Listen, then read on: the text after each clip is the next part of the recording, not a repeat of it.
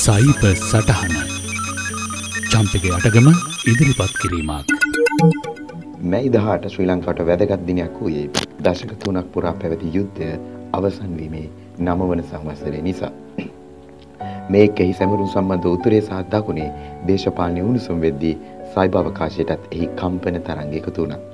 බලාපොරොත්තු විදියටම සමාජ ජාලා මේ ගැන සක්‍රිය වුණා. නමුත් බොහෝ දෙනෙක් නොදැන සිටි දෙයක් සිද්ධ වුණා සයිබ අවකාශයේ.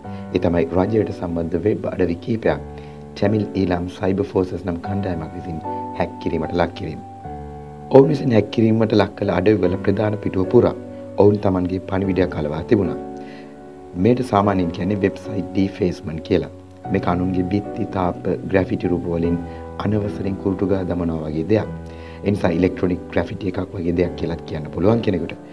බොහෝ විට ලෝවට ආගමික හෝ රජයේ අඩවිවලට මේ ප්‍රහාර එල්ල වෙනවා. මොකද මේ අඩවි ඉලක්ක කරන අයගේ අභිප්‍රාය දත්ත සොරකමක් හෝ අඩවිය අකර්යමන්නේ කිරීමකට වඩා දේශපාලනික අරමුණක් හෝ පණිවිඩයක් දෙමින් ඉලක්කගත වෙබ් අඩවිය අසුරිතාවයට පත් කිරීම. මෙලෙසින් විරෝධාකල්පමය ආකාරයෙන් කරන සයිබර් ප්‍රහාර වැටෙන්නේ හැක්ටිවිසම් වර්ගීකරණයට. ඉහත සඳහන් කරපු රජයේ වෙබ් අඩවිවල හැක කණ්ඩායම අලවා තිබූ පණිවිඩෙන් කියවුනේ ශ්‍රී ලංකා රජයේ හමුදාවන් විසින් යුද්ධ අවසානය වෙද්දී ජන සංහාරයක් සිදු කර ඇති බවත් දෙමළ ජනතාව ඔවුන් දැනටමත් පීඩාවට පත් කරන බවත් යුද්ධ සමයේ සිවිල් ජනතාව සිටි රෝහල් වලට පවා ප්‍රහාර එල්ල වූ බවත් දමිළ කාන්තාවන් ලිංගික හිංසනයට පවා නිරන්තරයෙන් ලක් වුණ බවත් එම පවන විදිහේ තවදුරටත් සඳහන් වුණා. මේ ඔවුන් විසින් කරන ලද්දේ උතුරු පළාත් සභාව විසින් ප්‍රකාශයට පත් කරන ලද ජන සංහාර සතියට ප්‍රචාරයක් ලබා ගන්න ආටිය බව පැහැදිලියි.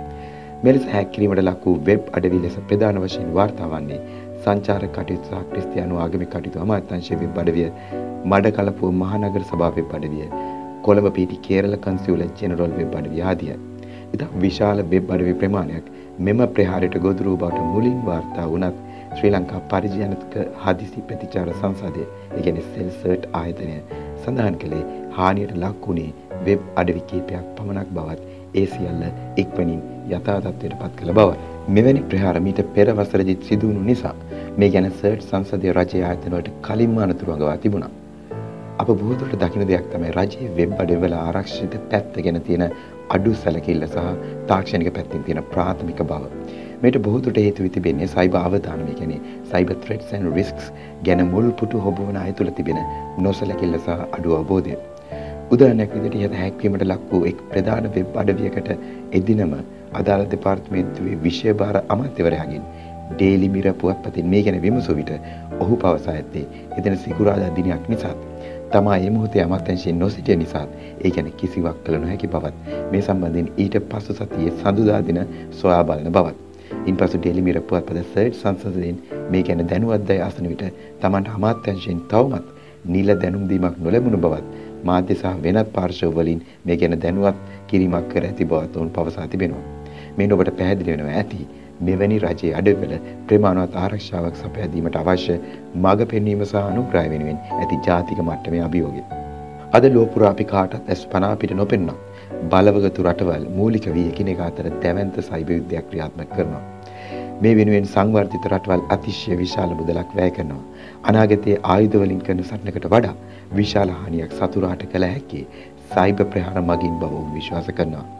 ලංකාව වැනි පරිදි රටකට එවැනි රාජ්‍ය විසින් මෙහෙවන ප්‍රහාර, ඒ කියන්නේ nation sponsored cyber attacks එල්ල නොවුනත් ඊට වඩා සාපේක්ෂව ඉතා අඩු මට්ටමේ මෙවැනි ප්‍රහාරයකටවත් අවශ්‍ය මූලික සූදානමක් නැතිකම ඇත්තටම අතිශය අවදානම තත්ත්වයක්.